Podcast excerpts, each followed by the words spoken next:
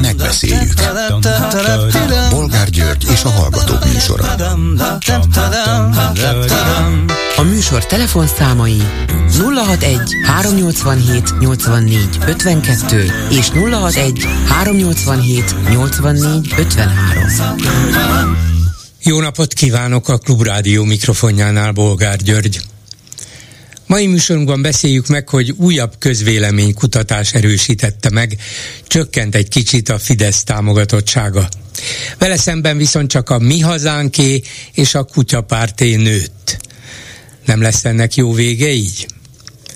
Következő témánk, hogy Debrecenben közös polgármester jelöltet indít négy ellenzéki párt akkumulátorgyár ellenes programmal.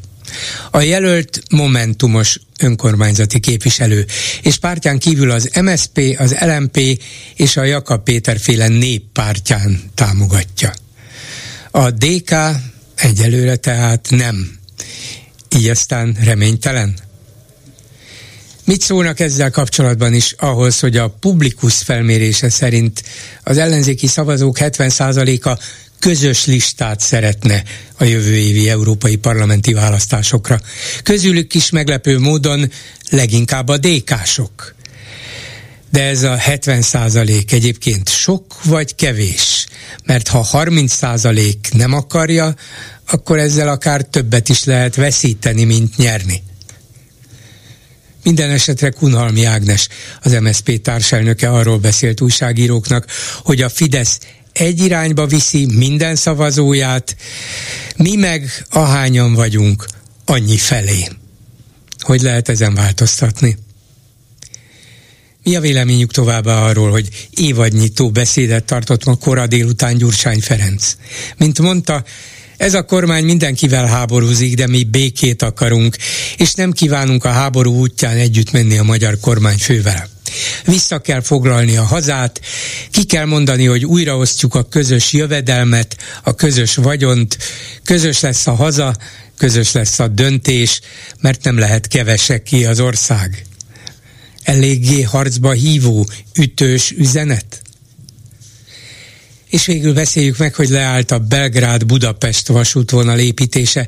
Egyrészt, mert a hegyeshalmi vonal javítására vitték át a szükséges anyagokat és berendezéseket, valamint másrészt pedig amiatt, hogy a kínai beruházók képtelenek megcsinálni az európai szabványoknak megfelelő biztosító berendezéseket.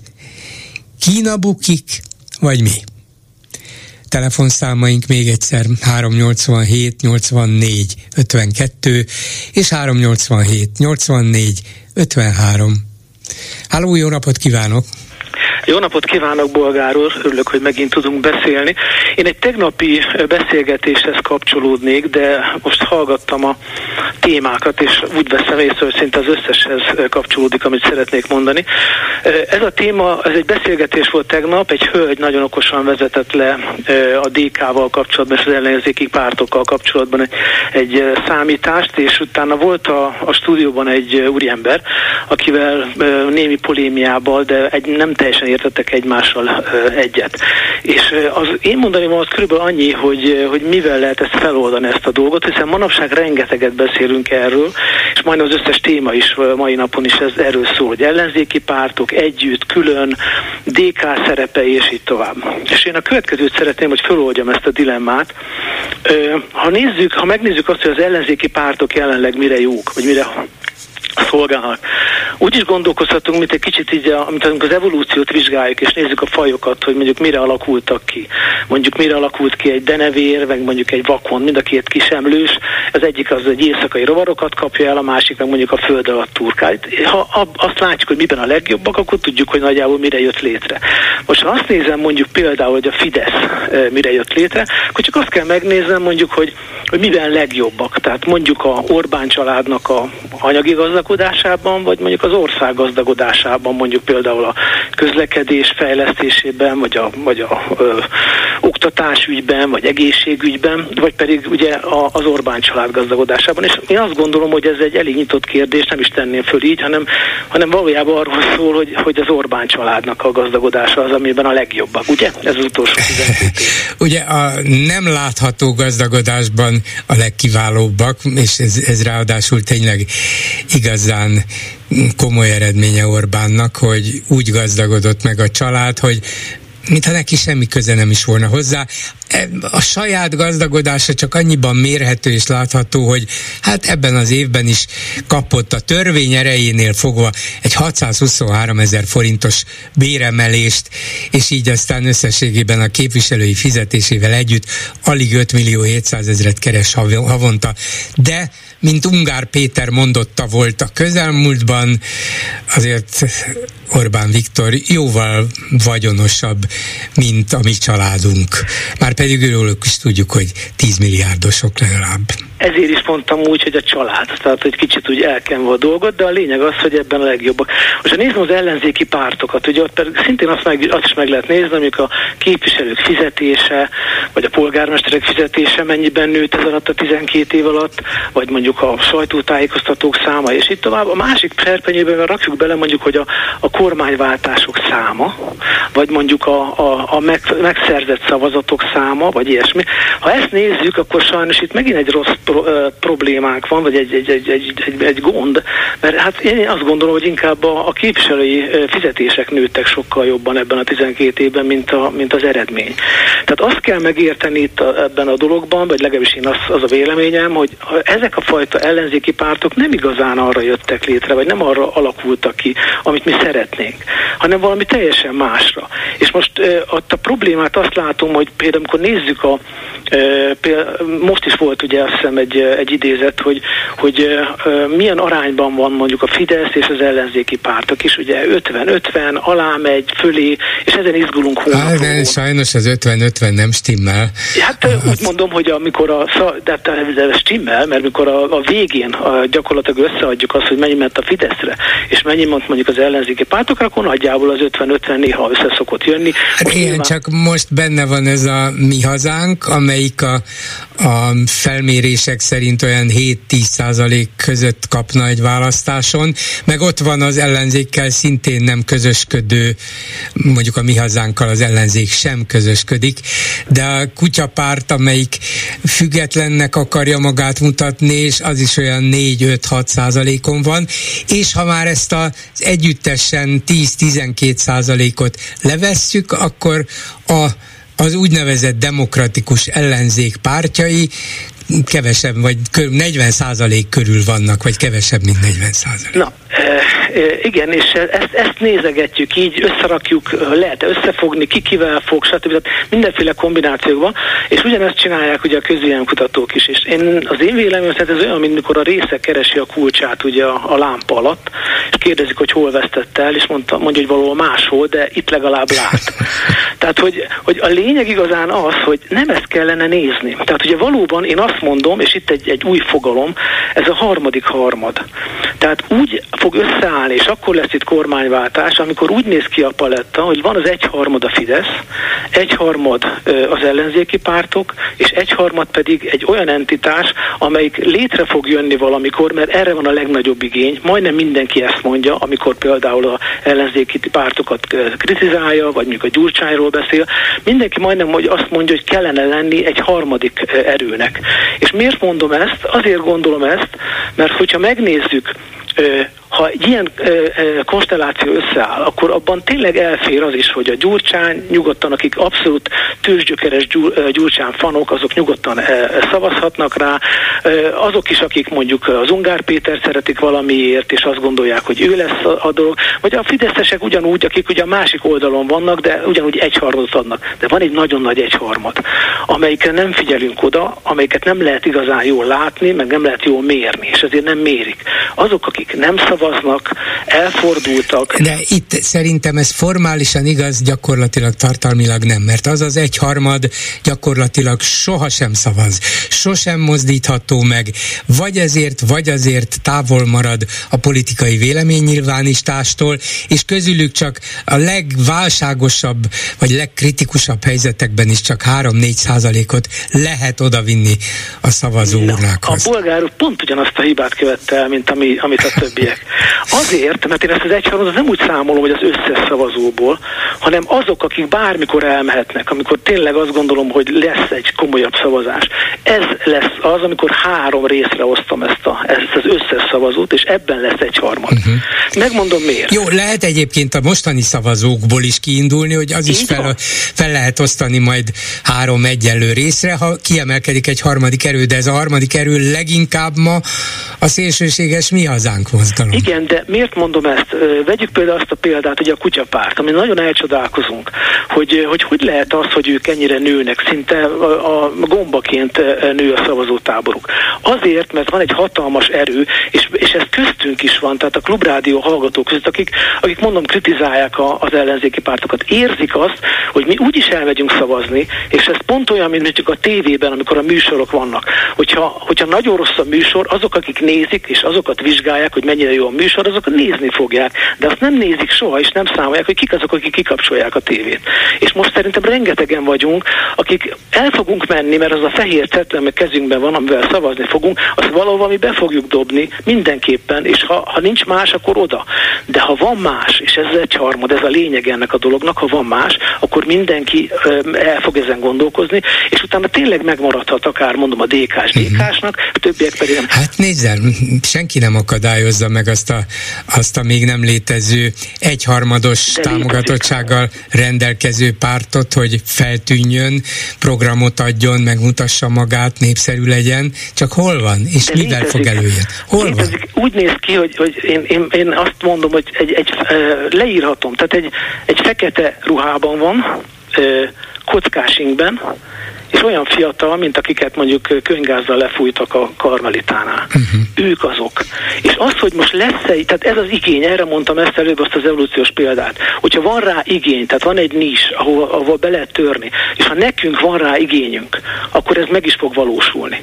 Az, hogy ki lesz az, vagy ki fogja össze, vagy milyen módon, az egy más kérdés. De amikor eljön ez az, erre a harmadik harmadnak is a, a, a, a valamilyen entitás, ami ezt viszi, na az lesz az a kormányváltás, és azt gondolom, hogy ez az, amit nekünk nekünk tudnunk kell.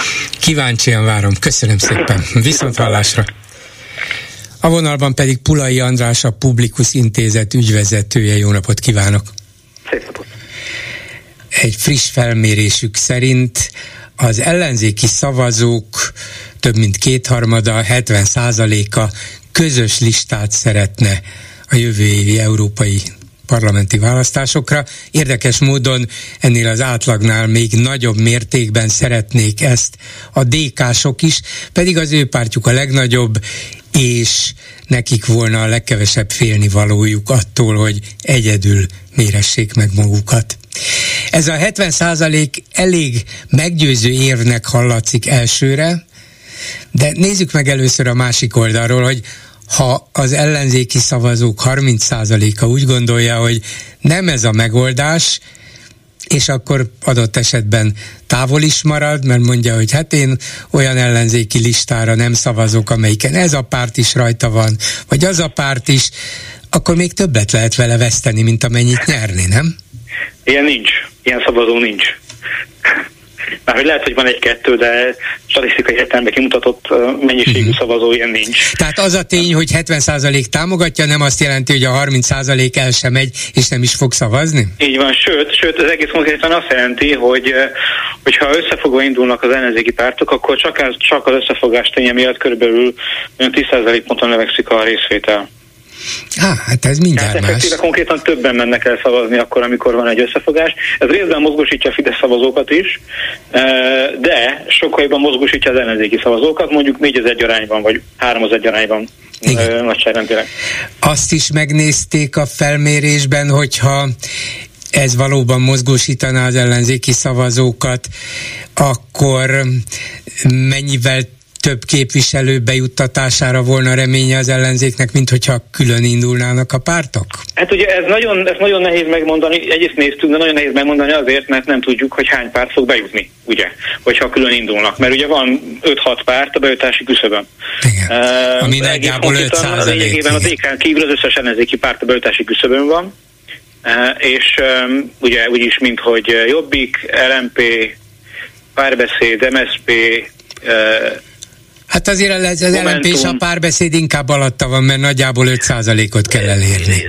Igen, 5, 5, konkrétan 5%-ot kell elérni. Hát az LNP-t most 3%-ra mérjük egy EP-n, a Momentumot meg 6-ra.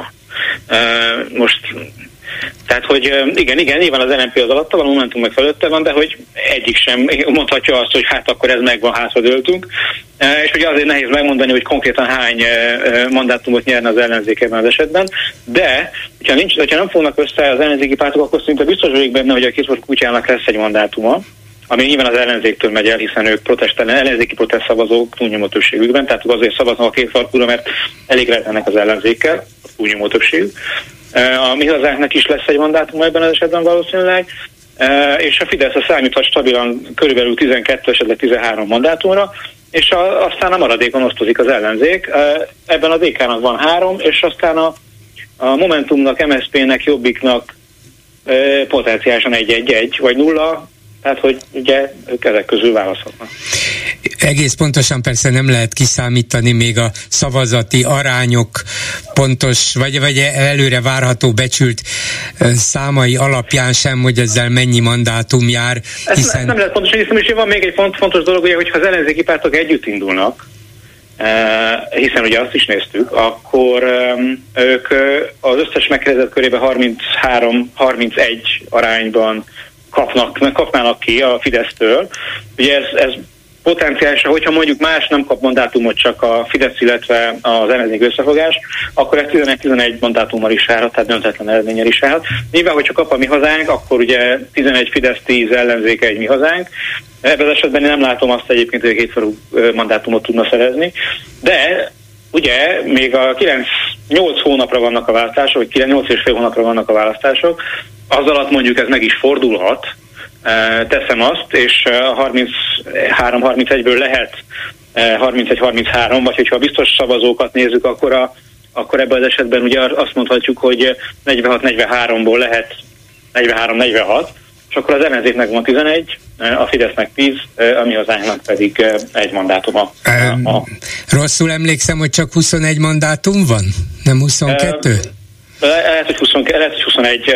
Igen, mert most van, most van 13 a Fidesznek a 21-ből, úgyhogy hát... Ny- ny- ez abszolút lehetséges, hogy mert csökkent egy mandátum számunk ezzel a ország népességének a csökkenése, még meg az EU.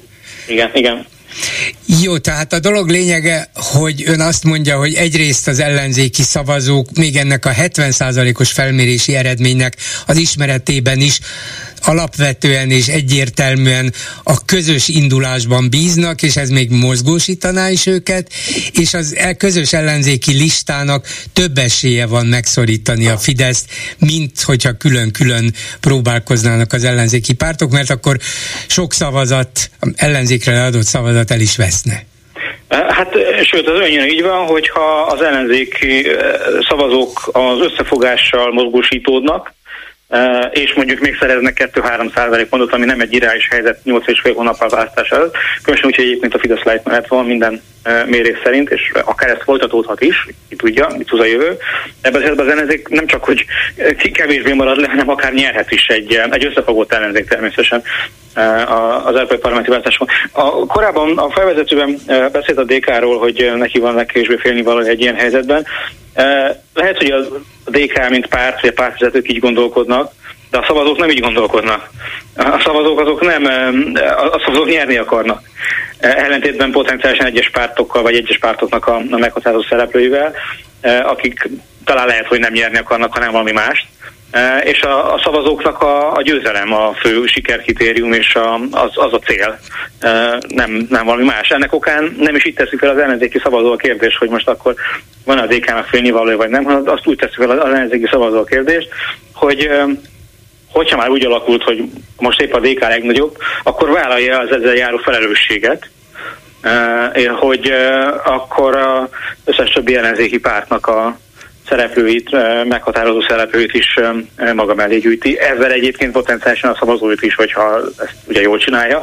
Nyilván ez annak a kérdése, hogy megvan-e politikai bátorság, illetve a politikai felelősségérzés a ellenzéki szavazók irányát. Az mennyire érdekli az ellenzéki választót, hogy ha egyszer lesz mondjuk egy közös ellenzéki lista, akkor abból mennyi legyen a DK-é, mennyi legyen az MSP, mennyi legyen a még kisebb pártoké. Szóval ez nem foglalkoztatja őt, hanem van valamiféle ilyen közös ellenzéki remény és elhivatottság. A többi az már részletkérdés? E, igen és nem. Tehát nyilvánvalóan, hogyha egy közös ellenzéki lista alakul ki, akkor persze a szavazó elvárja azt, hogy az ő pártjának a meghatározó emberei is rajta legyenek, de ennek a részletei, ahogy azt szokták mondani, a kolbász készítésének a módja, az már nem olyan érdekli a választó. Tehát, hogy ez legyen meg, oldódjon meg, legyen ott, akinek ott kell lennie, és aztán csináljuk, pontosan hát csináljátok, ugye.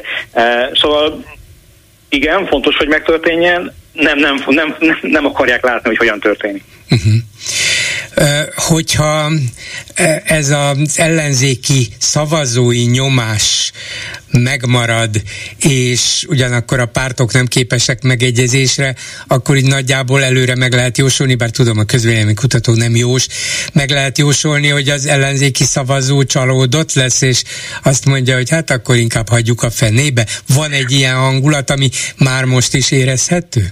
Hát a, nyilván azért még messze vagyunk, tehát 2008 és fél hónap azért még, azért még messze van a választástól, addig nagyon sok minden fog történni, de hát nem lennék meglepve, hogyha kialakulna egy ilyen helyzet. Ugye a választónyomás volt az egyébként a 22-es választások előtt is, ami összeterelte a szavazókat, és a 19-es választások előtt is összeterelte a szavazókat. Bocsánat, a, a, a pártokat, nem a pártoknak az akarata. És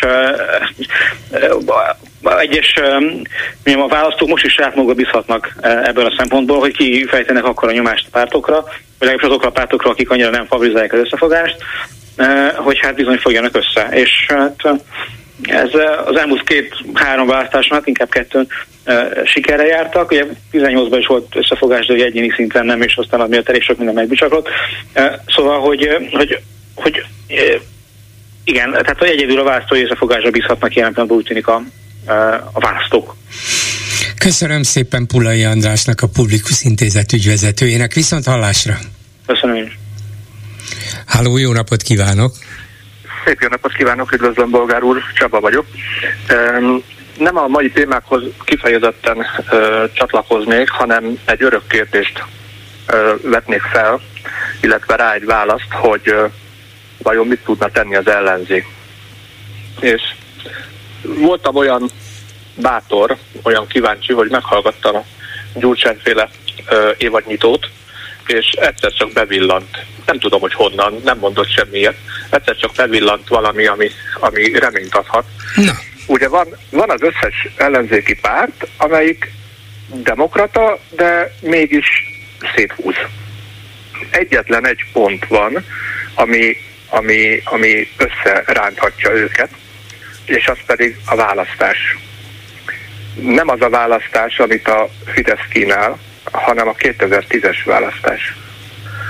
Ugyanis ha mind a hét párt, hogyha tényleg annyira erősek, amekkor, amekkorára szeretnék őket magukat ö, látni, vizionálni, akkor van elég szavazótáboruk, és van elég erejük ahhoz, hogy ö, követeljék a 2010-es választási rendszer és állapotok visszaállítását. Hogyha a Fidesz annyira erős és magabiztos, ahogy megnyerte akkor, a kis kezdő Fidesz megnyerte kétharmaddal, akkor most a továbbfejlesztett ügyes és tapasztalt Fidesz ugyanúgy megnyeri kétharmaddal. Hát igen, ez így logikusnak hangzik, na de miért engedne a Fidesz bármiben is az ellenzéknek? Erő, erő, erő. Hogyha csak a, ha valamit követel a DK, ha valamit követel, most random dolgokról beszélünk, ha valamit követel a DK, kiröhögik, 13 százalék. Ha valak, valamit követel a Momentum, 5 százalék, 10 százalék, kiröhögik.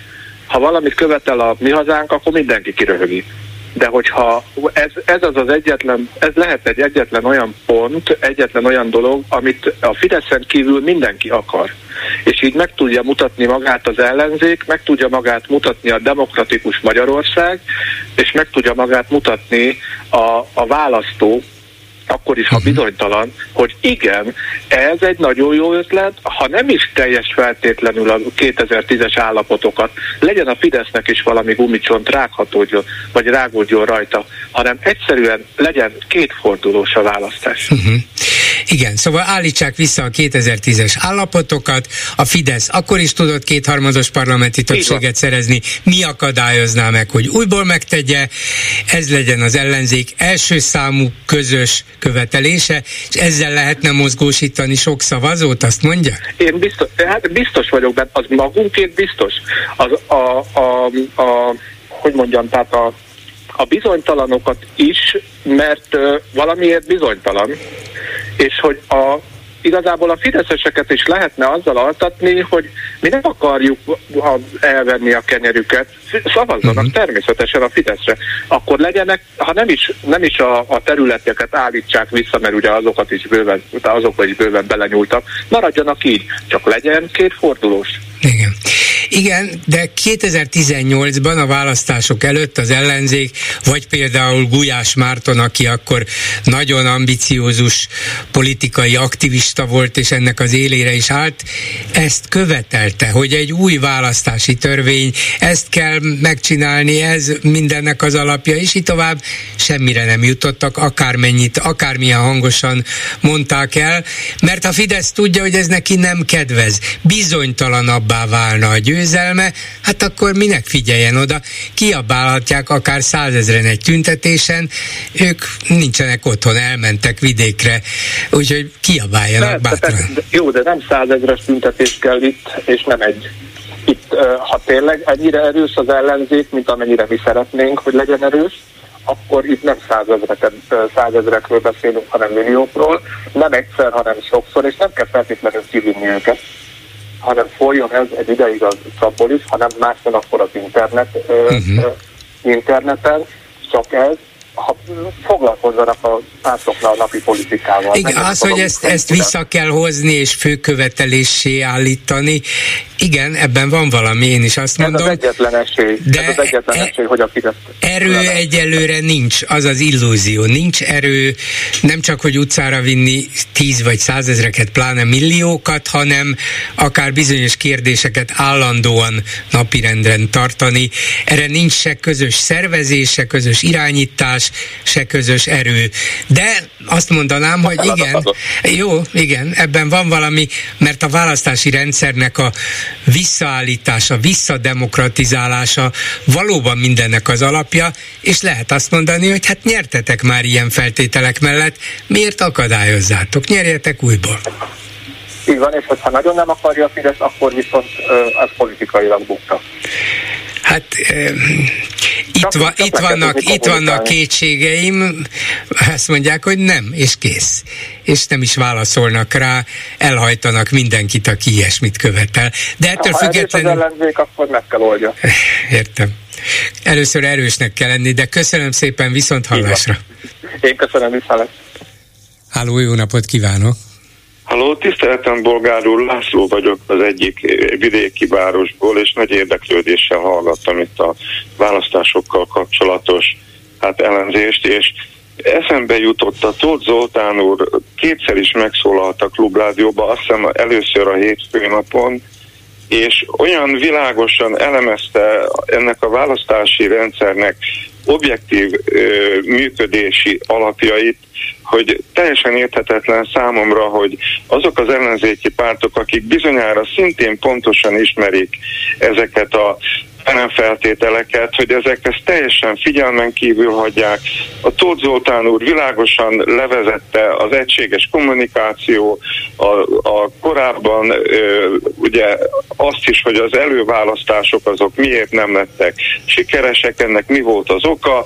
ugye ő elmondta, hogy a, a probléma az volt, hogy abszolút nem vontak be szakértőket ebbe, csak a párt elnökök ültek le, és ott valamilyen adhok módon megállapodtak, aztán azt a megállapodást se tartották be, tehát én nem akarom visszaidézni most, és nem is tudnám pontosan olyan szakszerűen, ahogy ezt a Tóth Zoltán úr volt kedves elmondani, csak az a nagy kérdés, és az a teljesen érthetetlen a számomra, hogy miért van az, hogy amikor ilyen pontos a valóságot leíró, adekvát módon leíró elemzést hallunk, és ez teljesen nyilvános és bárki számára elérhető, és teljesen nyilvánvaló, hogy ez, ez, ez működik, és ez, ez értelmes lenne, hogy miért nem fogadják meg ezeket a gondolatokat. És ha megengedi, még lenne rögtön egy javaslatom, hogy a Klubrádióban olyan sok komoly intellektus hát van meghívva, akik, akik elmondják a, a tényleg releváns gondolataikat, hogy esetleg nagy marhaság lenne azt felvetni, hogy tehát ezeknek az embereknek a, a meghívásával és a, és a pártvezetők meghívásával egy valamilyen nyilvános beszélgetés alakuljon ki. Természetesen biztos vagyok abban, hogy a szakértő urak elfogadnák a meghívást, abban már nem teljesen, hogy vajon az ellenzéki párt, pártoknak a vezetői is esetleg hát részt vennének-e egy ilyen közös elemzésen. Nézze, ezzel meg lehet próbálkozni, de ami az kiinduló pontot illeti, hogy, hogy Tóth Zoltán világosan elmondta, hogy mit nyerhetnek, mit, veszine, mit veszthetnek, hogyan kellett volna csinálni 22-ben, mi ebből a tanulság, hogyan vágjanak neki 24-nek.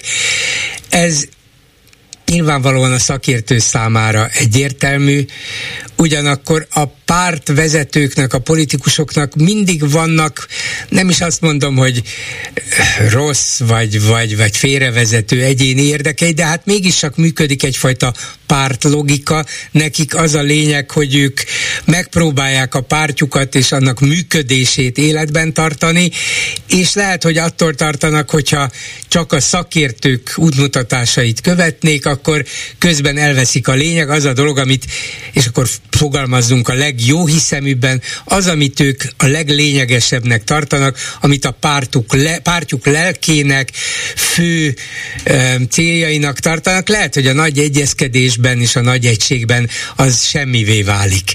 És, és biztos, hogy ezek például akadályozzák a megegyezést. Én ezt nem tudom megítélni, bizonyára van ebben is igazság, de elmondanék egy személyes tapasztalatomat.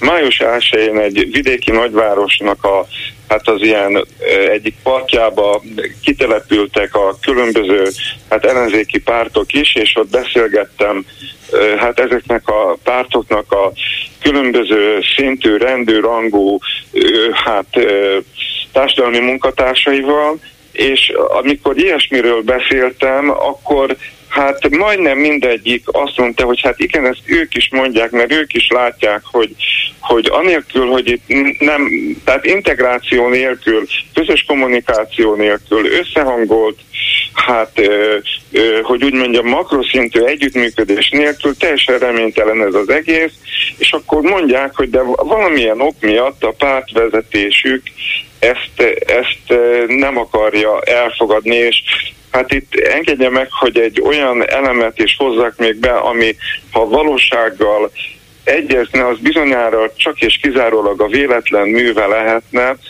Egy korábbi munkahelyemen volt egy rendszergazda, akivel összefutottam, és hát a rendszergazdák akár akarják, akár nem, mindenféle információkhoz hozzáférnek, és azt mond, és ővele is beszélgettem ilyen kérdésekről, egyébként a közigazgatásban is dolgozott az illető, és azt mondja, hogy ő úgy látja, hogy van egy nagyon erőteljes hát mondjuk az egyik állami vezetőhöz köthető, aki integrál különböző szervezeteket, azok részéről évek óta egy rendkívül erőteljes befolyás, ami, aminek az eredményeképpen az ellenzéki pártokon belül hát kulcs, hát tényezők nem teljesen egyértelmű hogy úgy mondjam, erővonalak mentén működnek, és ezt sokkal kevésbé szofisztikáltan mhm. fejtettek ki, és hát kénytelen vagyok itt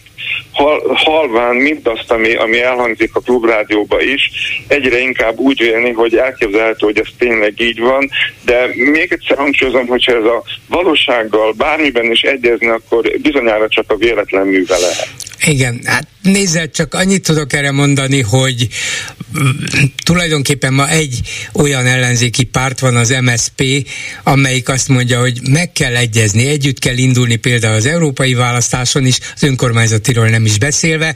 Rájuk mindig azt mondják, hogy ja, hát azért, mert egyre gyengébbek vagytok, és így akarjátok átmenteni magatokat. Aztán van mondjuk az LMP vezetője, Ungár Péter, amelyik egyre radikálisabban határolódik el a többi ellenzéki pártól, és hisztérikusnak nevezte már őket legutóbb egy nyilatkozatában. A saját pártjáról meg azt mondta, hogy mi egy csomó dologban bíráljuk, kritizáljuk, támadjuk a kormányt, de nem kiáltjuk ki a főgonosznak Orbán Viktort, és nem őt tartjuk minden, minden lehetséges világok legrosszabbikának, vagy legrosszabb vezetőjének, nem ő az ellenség, nézzük benne is a, az embert, meg azt, hogy miben, hogyan lehet őt valamilyen vitára kényszeríteni, vagy visszalépésre. Aztán ott van a Jobbik, amelyik, amelyik azt mondta, hogy na jó, akkor én nem kérek a közös ellenzéki összefogásból, bár ellenzem továbbra is az Orbán kormány, de az összefogás bukott, az önkormányzatoknál talán nem, vagy nem ebben a formában, a korábbi formában nem, de gyakorlatilag mégis fennmaradhat, de különben nem. Szóval értse meg, hogy ezek különböző pártok, különböző világképpel, különböző ideológiával, különböző napi érdekekkel is, különböző rétegekhez szólnak, nem olyan könnyű összeállniuk, mert ez az összeállás csak egy kényszer, amit a Fidesz öm, tett szükségessé, mert olyan a választási rendszer, hogy egy egységes ellenzéki fellépés nélkül a Fidesz nem lehet megverni. Én nem tudom, de azt hiszem, most elnézést kérek, ha tévedek, hogy a Tóth Zoltán úr például elmondta, hogy vannak olyan európai államok, ahol elég sok ilyen kis párt összehangoltad és koalícióban tud működni. Nem vagyok benne biztos, de mintha Hollandiát említette volna, és akkor bizonyára van egy ilyen, egy ilyen ősi, ősi magyar átok, nem tudom, hogy pontosan idézem-e valamelyik klasszikus versből, hogy büszke fajnak küzdő pálya, melyen az magát rongálja. Azt hiszem, hogy, hogy ez több száz év óta ez a nagyon találóan versben megfogalmazott mondat, ez valószínűleg most sokkal fokozottabban érvényes, mint korábban bármikor. Hát igen, könnyen lehet, hogy, hogy ez van mögötte, de egyelőre nem, nem látom a megoldást, mert, mert ugye a, a, ezekkel a Tóth Zoltán által említett, persze, hogy van egy csomó ország, ahol koalícióban működnek, szinte mindegyik. Még a nagy országok közül is. Nézzük meg például Németországot, ha más nem. Hollandia is egy jó példa. Csak nem kell előre koalícióba szervezni magukat. Magyarországon viszont úgy változtatta meg a Fidesz a rendszert, hogyha nem egyeznek meg előre ezek a, ezeknek a majdani koalícióknak a tagjai, akkor nem tudnak választáson győzelmet aratni, mert olyan a rendszer, hogy közös jelöltel kell indulni, és közös listával, mert különben szétdarabolódnak, és a Fidesz mindig megveri őket. Tehát itt előre kell megalakítani a koalíciót, hogy milyen formában ez egy másik kérdés, de nem ugyanaz, mint a többi európai országban, erről a Fidesz gondoskodott. Én ezzel abszolút egyetértek, de akkor hát miért nem adekvát módon alkalmazkodnak ehhez az objektív rendszerhez, hanem szubjektív módon mindenfélét hát, ö, ö, hát itt próbálnak ö, elgondolni, amelyek azonban láttuk már nem tudom én hány alkalommal a valóság bizonyította be az, hogy ezek abszolút működésképtelenek, és hogyha tovább tartanak ezen az úton, tovább haladnak, akkor a, akkor a teljes dezintegráció felé tartanak, és hát nem marad más, mint a szakadék, mert ezek mellett, a választási peremfeltételek mellett ezzel a fajta stratégiával és taktikával csak azt érik el, hogy a töredék szavazatok, amelyek ugye a parlamentben nem jutott pártok esetében ugye hát létrejönnek, ezek a legerősebb pártot gazdagítják, és hogyha ezt, ezt az alapvető és rendkívül egyszerű igazságot nem képesek figyelembe venni, akkor, akkor ismét garantálva van ez a kiválóan megszervezett és kiválóan működő hétharmad. Hát ez a baj. Köszönöm szépen, viszont hallásra. Én is megköszönöm, és elnézést, hogy ilyen hosszadalmasan. Semmi probléma, minden jót. A vonalban pedig Raskó György agrár közgazdász. Jó napot kívánok! Jó napot kívánok! kicsit messziről, mert úgy tudom, hogy éppen az Egyesült Államokban tartózkodik, de a válság, a válság híre talán odáig is eljutott, vagyis, hogy néhány kelet-európai ország meghosszabbította az ukrán gabona, illetve néhány más mezőgazdasági termék importjának tilalmát, és ebből akkora nemzetközi botrány kerekedett, hogy az ukránok panaszt tettek a világkereskedelmi központnál, erre válaszul a lengyelek közölték, hogy akkor nem szállítunk többet fegyvereket Lengyelországból, illetve nem Lengyelországból, hanem lengyel, a lengyel hadsereg fegyvereit nem adjuk át Ukrajnának, más országét továbbítjuk. A lényeg az, hogy mintha megrendülni látszana az Ukrajna mögötti európai és nyugati támogatás, mégpedig ebből a látszólagos marginális ügyből kiindulva.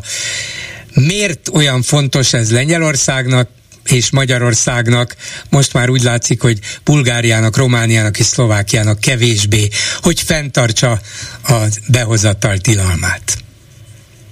Én azt gondolom, hogy kizárólag belpolitikai okok állnak mögötte. Lengyelországban éles választási küzdelem van, és hát nyilvánvaló, hogy a lengyel gazdák szavazata nagyon sokat számít. Ez egy politikai lépés, gyakorlati jelentősége se lengyel, se a magyar gazdák számára nincsen. Magyarországon is egyértelműen belpolitikai lépésről van szó, hiszen az ukrán szállítási kapacitástól vagy lehetőségtől függetlenül a világon mindenütt hatalmas árzuhanás van mezőgazdasági nyersanyagok vonatkozásában, és itt vagyok az Egyesült Államokban, gazdákkal találkoztam, vagy inkább úgy mondom farmerekkel, ugyanúgy panaszkodnak az alacsony árakra, forintra átszámolva a kukorica ára itt az USA-ban most alacsonyabb, mint Magyarországon, és hát azért Ukrajnától elég messze vannak. És igen, ez vonatkozik buza, szója és más termékekre is, tehát szinte azt lehet mondani, hogy történelmi mélypont felé haladnak mezőgazdasági nyersanyagár, aminek nem Ukrajna az oka, hanem az, hogy Brazíliában, Argentinában, illetve az Egyesült Államokban kitűnő a termés, kukoricából minden idők második legnagyobb termését fogják betakarítani, és hát óriási készletek vannak, és amikor nagy készletek vannak, eladatlan készletek, akkor ezért logikus, hogy a, az árak lefelé araszolnak, és ez teljesen független az ukrán-orosz háborútól. És Ukrajna egyébként döntően a termékeit nem Magyarországra és nem Közép-Európába akarja szállítani. Olaszország és Spanyolország a két fő vevőjük, azok továbbra is fogják vásárolni, és hát az olasz példát azért említeném, mert Magyarország exportőreitől Ukrajna elvette ezt a piacot, buza, kukorica, napraforgó mag, egyéb más termékek esetében is, és ez attól, hogy a magyar kormány import iralmat rendel el, attól még ők továbbra is szállítani fognak, és a magyar exportőrök meg továbbra is meg kell küzdeniük az Európai Unió piacán az ukrán termékekkel. Ezt tudja mindenki, nyilvánvalóan a miniszter úr is, a gazdák is, ez egy belpolitikai játék, nem a agrárszereplőknek szól ez a tilalom, hanem a Fidesz támogatói számára. Igen, értem. Értem. Biztos, Értem, de Lengyelországban értem, ott néhány hét múlva választás lesz, tehát ha ott minél nagyobb e, cirkusz csinálnak, és minél inkább úgy állítják be magukat, hogy mi aztán megvédjük a lengyel gazdák érdekeit, és az utolsó csepp vérünket is, és így tovább, és így tovább, rendben. Na de Magyarországon a legközelebbi választás az csak jövő nyár elején lesz, és hát addig a magyar termelőknek is kiderül, hogy hiába mondtatok ti akármit, hiába állítottátok le az ukrán gabona behozatalát, ettől még az árak nem lettek magasabbak, nem vagyunk jobb helyzetben, mint korábban voltunk. Hát nem üt ez vissza hamar? Hát úgy tűnik, hogy sajnos nem. A Fidesz permanens kampányt folytat Magyarországon most már 12 éve.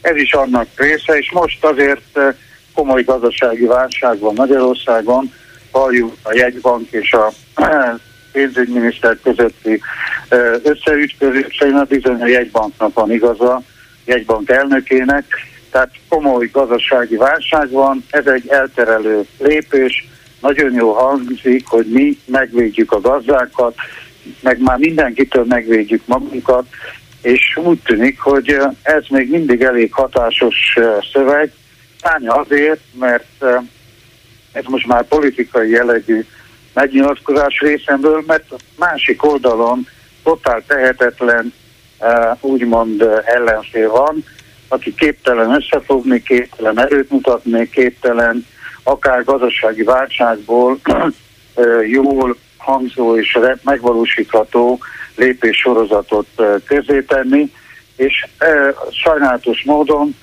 én magyar gazdákkal ugye elég szoros kapcsolatban vagyok, nagy hálózatom van, minden gazda ugyanúgy, mint amit én most mondtam, tisztában van azzal, hogy ettől a lépéstől a belföldi kukorica buzaárak egy fillére se lesznek magasabbak.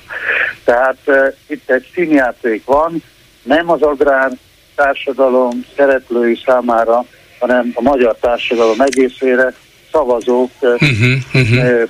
Szóval nem, nem, a, nem, az, nem a mezőgazdasági szereplőket akarja meggyőzni a kormány, hanem azt a tömeget, amelyiknek fogalma sincs arról, hogy most éppen miért ez a helyzet, és mi, mi lesz a helyzet a következő hónapban, vagy három hónap múlva, mert úgyse érdekli, úgyse tud be, e, beleszólni, úgyse ért hozzá, úgyhogy lesz, ami lesz, aztán a lényeg az, hogy a kormány megvédje mindenkit és minket is, és ha már ezt el tudja hitetni, akkor ezzel már a kormány jól jár, függetlenül attól, hogy az árakkal mi lesz.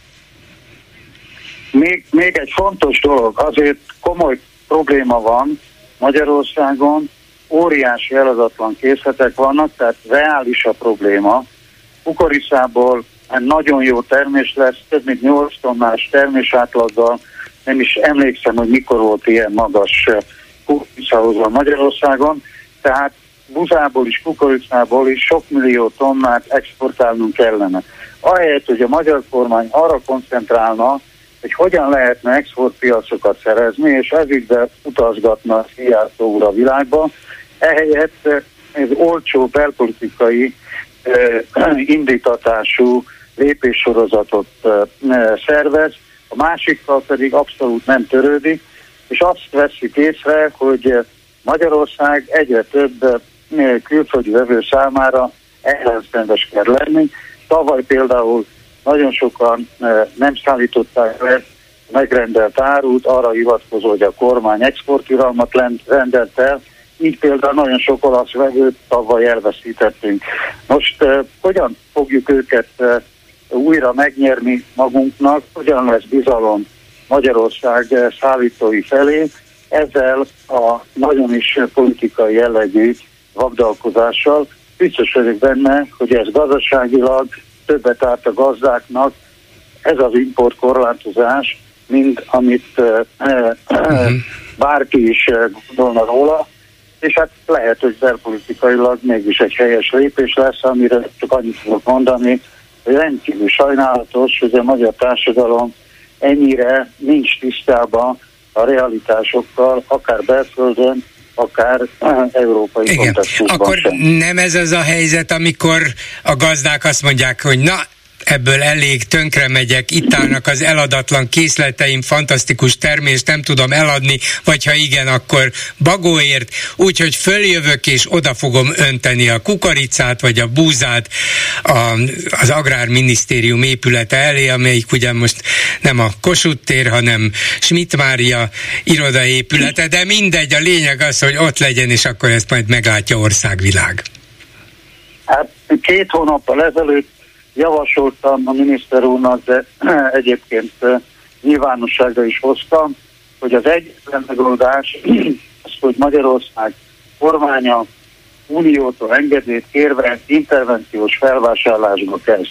Tehát állami felvásárlással próbálja stabilizálni egyrészt az árakat, másrészt fölhalmoz olyan készletet, amelyet majd, ha újra keresleti piac lesz, akár nyereséggel tud értékesíteni. Most ez lenne a megoldás, mert a gazdáknak ősszel az őszi munkálatokhoz, vetéshez, inputanyagok beszerzéséhez készpénz, pénzre van szükségük.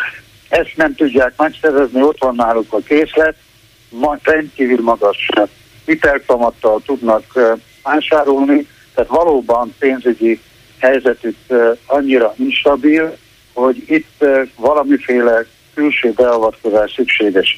Én azt gondolom, hogy a kormány intervenciós felvásárlása egy átmeneti segítséget adna gazdák nagy részének, és aztán későbbiekben egy jó szervezett export promócióval ezek a nagy tételek értékesíthetők lesznek. Ez lenne a valós megoldás, az, ami valóban a gazdákon segítene. Ez az importkorlátozás, ez egy eh, komolyan mondom, falrahányt eh, borsó, amit mond az ember nem tudom hányszor már, ez semmiféle gyakorlati hasznot eh, gazdasági eredmény számukra nem fog hozni. Falrahányt, kukorica vagy búzaszem. Köszönöm szépen Raskó György Igen. agrárközgazdásznak. Viszont hallásra! Viszont hallásra! A műsor második részére megérkezett egy vendégünk, egy hallgatónk, Hollai Iván, üdvözlöm, jó napot kívánok! Jó napot kívánok! Aki hallgatóként és most műsorvezetőként részt vesz a következő percekben a hallgatókkal folytatott beszélgetésben, vagy a meghívott interjú alanyjal folytatott beszélgetésben, kedve szerint meg hozzászólhat bármihez, amihez szeretne. Meg fogom tenni. Jó. Annyit még mondok, hogy eddig 37 millió 20 ezer forint jött össze a számlánkon, a túlélési gyakorlatunkon.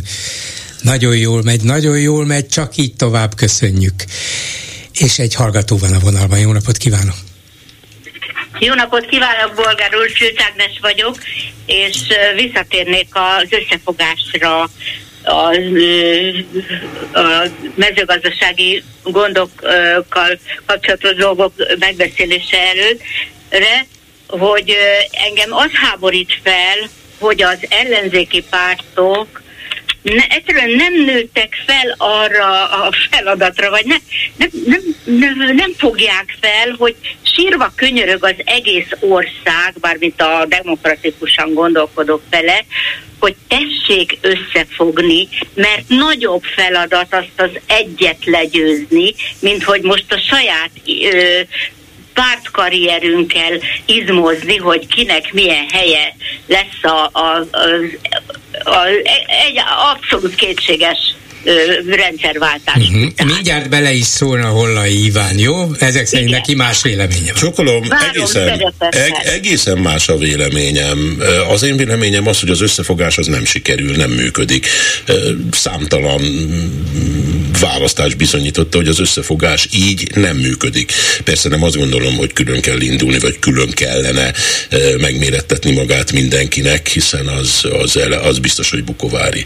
Én azt gondolom, hogy érdekek mentén kellene egyeztetni a különböző pártoknak, és el kell fogadniuk, hogy van nagy ellenzéki párt, demokratikus párt, és vannak kisebbek, és vannak olyanok, akik szemmel láthatóan kapkodnak, vagy kap, kapaszkodnának, hogy egyáltalán odaférjenek a jól fizető állásokba. Tehát ez nem összefogás, hanem egy, egy értekek mentén való egyeztetés az én véleményem. Ami, De ami mi lenne a végeredmény egy mondjuk hát közös... Hát az meg matematikailag lista? nem fog stimmelni, szóval ez, ez, ez egyszerűen csak, a, egy telje, csak egy teljes összefogás, mert kell a, kell a matek.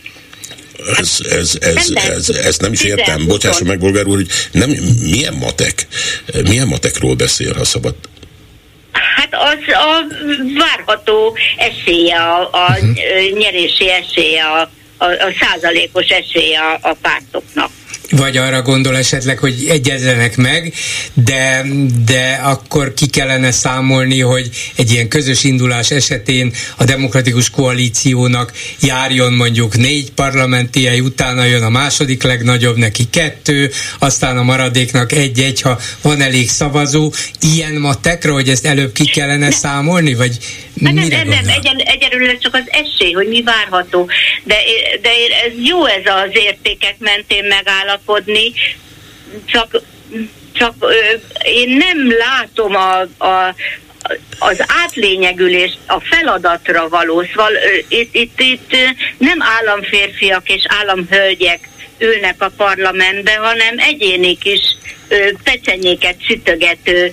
Igen, értem, de Hollai úrnak az a vélemény, és nincs vele egyedül, hogy jó, itt volt 22, elindultak közösen a pártok, hat ellenzéki párt volt, közös miniszterelnök jelöltjük, mindenhol volt egy közös képviselőjelöltjük, és mégis hatalmasat buktak. Jó, tudjuk, ennek sok oka van, de hát az egyik oka talán az, hogy ez az összefogás nem igazán sikerült, nem volt igazán meggyőző. Ha megengedi, megenged egy példát, Persze, hogy én azt gondolom, hogy nem lehet, nem lehet össze, össze, összefogni a pártokkal. Én úgy hiszem, hogy ez körülbelül olyan, mint hogyha egy ketrecbe beletennénk egy rókát meg egy tyúkot nem fognak békésen arról álmodozni, ábrándozni, vagy úgy cselekedni, hogy ők most együtt közösen Nem rossz a hasonlat, mert a róka az ebben az esetben a Fidesz. Nem, és nem, vannak nem. a tyúkok, meg kakas, nem, azok lehet, hogy egy, Bolgár, nem, nem, igen, nem, most az, én szeretem a rókát, amikor kisdobos voltam, rókaőrs volt a nevünk. A, a vuk, így van, a vuk miatt én imádom a rókákat. Nem, nem, nem, én úgy értem, hogy az, az kizár dolog, hogy, hogy mondjuk egy jobbikkal vagy egy korábban létező jobbikkal, akár a Vona Gábor által vezetett jobbikkal és az ő ideológiájukkal összevethető, összemosható, összedolgozható, összeszappanozható, összegyúrható mondjuk a DK politikája. Az csak egy mondjuk kamu lesz. A, a DK volt az, amelyik előjárt abban, hogy megegyezzen a jobbikkal, hogy akkor te itt vonulsz vissza, ő itt vonul vissza cserébe. De, de ezek hibás dolgok voltak, hát nem lehet hülyének nézni a választót választót. Meg lehet próbálni hülyének nézni a választót, de nem érdemes, mert ez a vége. Tegyem hozzá, bocsánat, elnézést, nem szeretném elrabolni öntől az idejét, de azért azzal tisztában kell lenni, hogy a 2026-os választás az nagyon messze van. Én, én ma 2023 őszén nem látom azt, hogy a Fidesz egyáltalán megszorítható lenne bármilyen összefogással. Az önkormányzat és az uniós választásokon lehet eredményeket elérni természetesen, de legyőzni a Fideszt, azt, azt, azt szerintem az túl nagy cél. Hát igen, én sajnos én nekem is a, a, a, szívem az, illetve nem, de hogy a szívem, hanem az, az ősem azt mondja, hogy ez, ez szinte lehetetlen feladat, de, de én a, ha a szándék megvolna, és felül tudnának emelkedni ezeken a mm, pártbéli szempontokon, akkor, akkor a közös, közös cél érdekébe én azért tudnék találni. Mert végülis a Pulai András is azt mutatta ki, hogy sokkal több választót vonzana be az összefogásra való hajlandóság, mutatása legalábbis, csak mondjuk a mutatás kevés. Igen, a hajlandóság, az igazi átlényegülés, hogy igen, le akarjuk győzni, és itt a, a lehetőség meg kellene csinálni, meg kell csinálni. Ne, hát, nem, nem. Végül is, ha lezárhatnám az önök közötti vitát is, egy közös cél, mindenki számára elfogadható közös cél van, és ez a legfontosabb, hogy ezt a ezt az antidemokratikus rendszert, amelyik minden hatalmat és minden pénzt a saját kezében összpontosított, totálisan igazságtalan, és Magyarországot ráadásul katasztrófába viszi egyre távolabb Európától, le kell váltani. Miután ennek matematikai esélye akkor, hogyha a pártok külön indulnak nulla, ezért valamilyen módon össze kell állni. Hol a Igen, bocsánat, fölemeltem az ujjam, hogyha, hogy, hogyha megengedi bolgár úr, hogy én...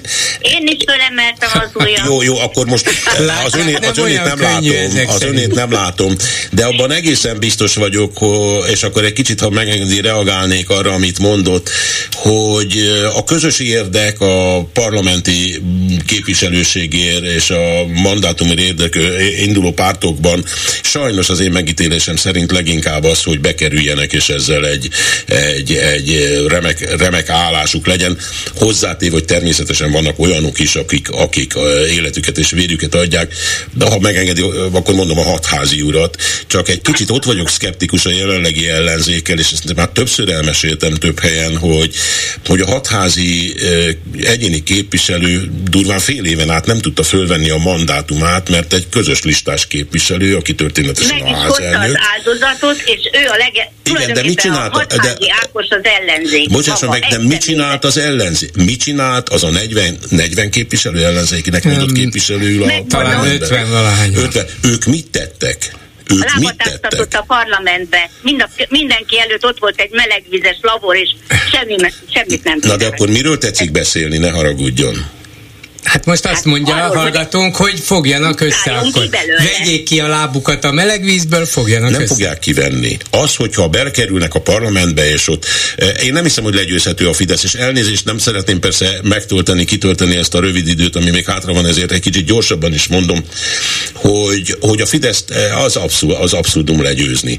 De ha, de ha meg lehetne szorongatni, ha jelentős számban, ha mondjuk a 200 parlamenti képviselőből mondjuk 105 Fideszes lenne, vagy 108, és a többi kvázi ellenzéki, akik bizonyos érdekek mentén ott politizálnának, amikben közös nevezőre lehet jutni, akkor nem lehetne ezt csinálni, amit csinálnak velünk. Minden nap, minden órában és minden percben. Nekem ez a véleményem. Hát persze, hát ezért nem kellett volna ö, manipulálni a választást, és nem, le, nem kellett volna olyan választási törvényt hozni. De hoztak, és azt se akadályozta meg senki, és nem voltunk kint az, kint az utcán százezren, és nem voltunk kint az utcán, amikor elvették a nyugdíj, ö, ö, magánnyugdíjpénztárt, az, azon ö, csodálkoztunk a ö, gyerekeimmel, hogy tizen voltak az, az székház előtt, ott halványan. Hát, hát lehet, hogy a magyar társadalom többségének ez így jó. Ezt szokta mondani néhány kollégám, és biztos, hogy sokan vannak, akik úgy gondolják, hogy ez még mindig jobb, mint ha más valaki jönne. Köszönöm szépen, asszonyom, ez egy, ez, ez egy sokáig tartó vita lesz, hogy hogyan tud együttműködni az ellenzék, és miben és mennyire érdemes. Minden Jó, jót, viszont okay, hallásra. Viszont hallásra. Csokolom a kezét. A vonalban pedig Róna Péter, jogász, közgazdász. Jó napot kívánok! Jó napot kívánok! Akinek biztos van véleménye arról, hogy mi történt ezen a héten, mi történt ezen a bizonyos közgazdász vándorgyűlésen a tegnapi napon, nem is ezen a héten, tegnapi napon. Matolcsi György, aki egy ideje már élesen, egyre élesebben bírálja a kormányt, most aztán úgy neki ment, ahogy talán még soha valami gazdasági tömegszerencsétlenséget emlegetett. Közölte, hogy az árstoppok 3-4 százalékkal hozzájárultak a magyar inflációhoz. Ha ezt a kalandor gazdaságpolitikát folytatják, és például erőltetett ütemben akarják 2030-ig növelni a GDP-t, annak egy újabb inflációs sok lesz a vége, amire Varga Mihály visszaszólt, és így tovább. Én ilyet még nem láttam. Önnek mi volt a benyomása erről? Hát én is láttam még ilyet. és máshol a világban? És máshol a világban látott már? Máshol a világban nem láttam. Szóval ilyen hangnemet megütni egy, egy, egy jegybank elnöke és egy pénzügyminiszter részéről egészen hallatra. Ez részben tükrözi a magyar társadalom lelkészellemi állapotát, és részben tükrözi a helyzet valóban súlyos mi voltát. Tehát, tehát itt most már a kétségbeesés jelei mutatkoznak a kormány berkein belül is, és elkezdődött az egymásra való mutogatás. 389 forint fölé emelkedett az euró árfolyama igen, most. Igen, Volt ennél igen. persze sokkal rosszabb is. Varga Mihály lényegében elismerte, hogy csőd közeli állapotba kerültek tavaly ősszel. Ott még nem tartunk. De milyen következménye lehet annak, hogy például az egész világ látja, hogy a magyar kormány gazdaságért, pénzügyekért felelős minisztere és a Nemzeti Bank vezetője így csap össze, és hogy ezek szerint sokféle folyamat nincs a kormány ellenőrzése alatt? Hát ugye alapjában az a gond, hogy a, magyar, hogy a Fidesz által kidolgozott, hát részben a rendszerváltás óta kidolgozott, aztán a Fidesz által egészen eltúlzott magyar gazdasági modell megbukott. Tehát ez egy fenntarthatatlan modell. Na most ennek a modellnek ugye az alapvető tétele és lényege a tőke felhalmozása.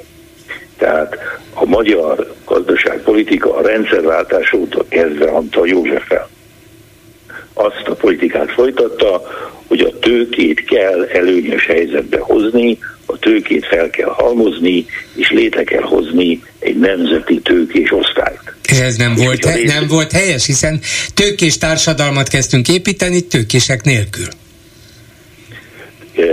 Ez nem volt helyes. Ez nem volt helyes, illetve ha egy bizonyos ideig helyesnek is tekinthető, ezen már régen módosítani kellett volna, mint ahogy a többi uh, posztszocialista ország mindegyike, kivétel nélkül mindegyike az elmúlt tíz évben a tőkebarát politikáját elkezdte moderálni.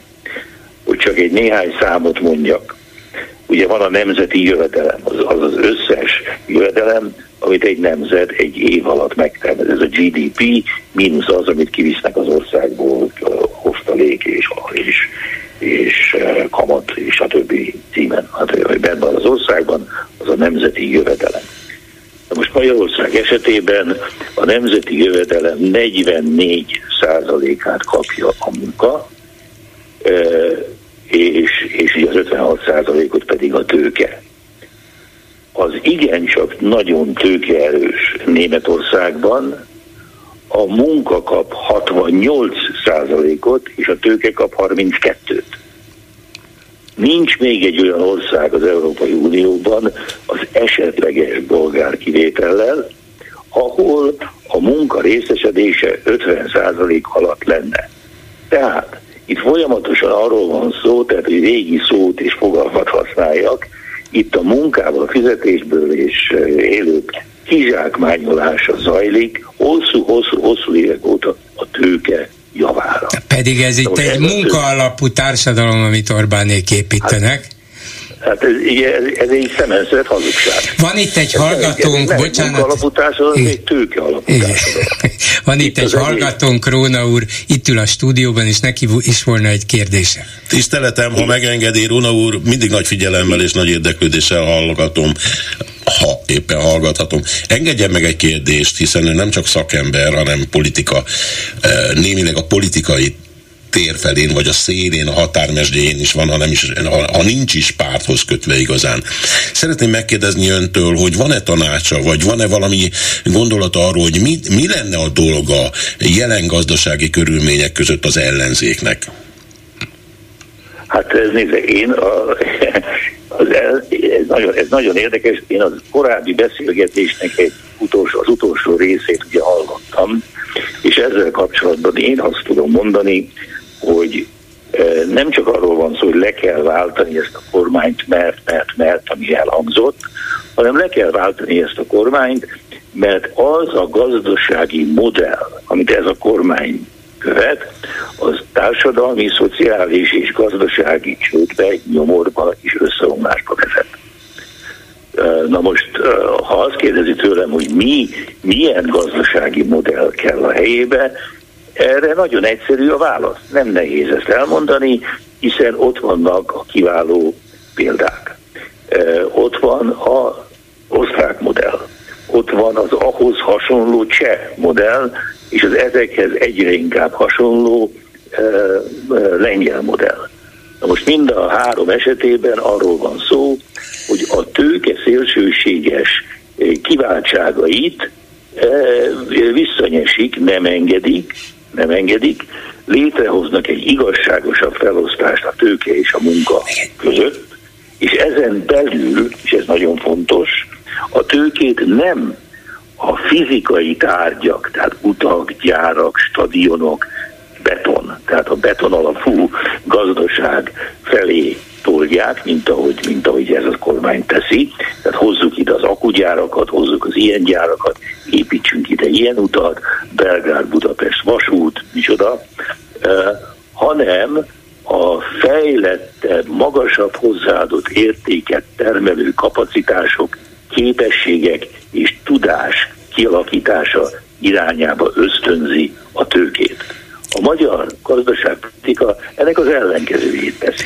De ha nem érteti meg az ellenzék a választókkal, hogy csődbe viszik ezek az országok, ezek az országot, mert azért nem érti meg, mert még nem érzi talán a saját bőrén, idén mondjuk a nagy infláció miatt érezte, de tavaly, amikor a választás volt, kapott ilyen adó elengedést, olyan támogatást, amolyan 13. havi nyugdíjat, ilyen plusz pénzt, amolyat, és azt mondja, hát nincs itt semmi baj, hát boldog vagyok én, hát majd megoldja a problémákat a kormány. Ehhez egy picit, ha, ha szabad még, Róna úr, ön, önből a közgazdászt hallottam, és nagyon jól mondta, amit mondott. Én, én konkrétan inkább afelé, vagy arról szerettem volna hallani a véleményét, ha van, hogy mi a dolga 2023. szeptemberében a 40 valahány ellenzékinek a parlamentben, vagy a pártoknak parlamentben Az, hogy létrehozzanak egy pártot, nem közös listát, nem megáll egy pártot.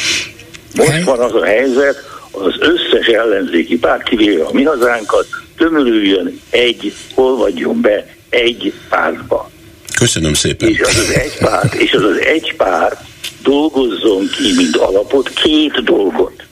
Két alapvető dolgot. Egy, egy alkotmányt, mert Magyarországnak nincs alkotmánya, azt, amit mi alaptörvénynek nevezünk, az, a, az, egy, az egy vicc. Annak semmi köze nincs az alkotmányozás fogalmához. Az a Fidesz házszabálya. Ennyi. Az, az egyik. És, és győzze meg a, a szelle, az értelmiséget, amiről az értelmiséget nagyon nehéz tudjuk meggyőzni, hogy ez nem alkotmány, a jogásztársadalom ezt egyszerűen nem fogja fel, nem érti, én már évek óta mondom ezt tíz éve. A másik pedig egy másik, egy egészen más gazdasági és társadalmi paradigma.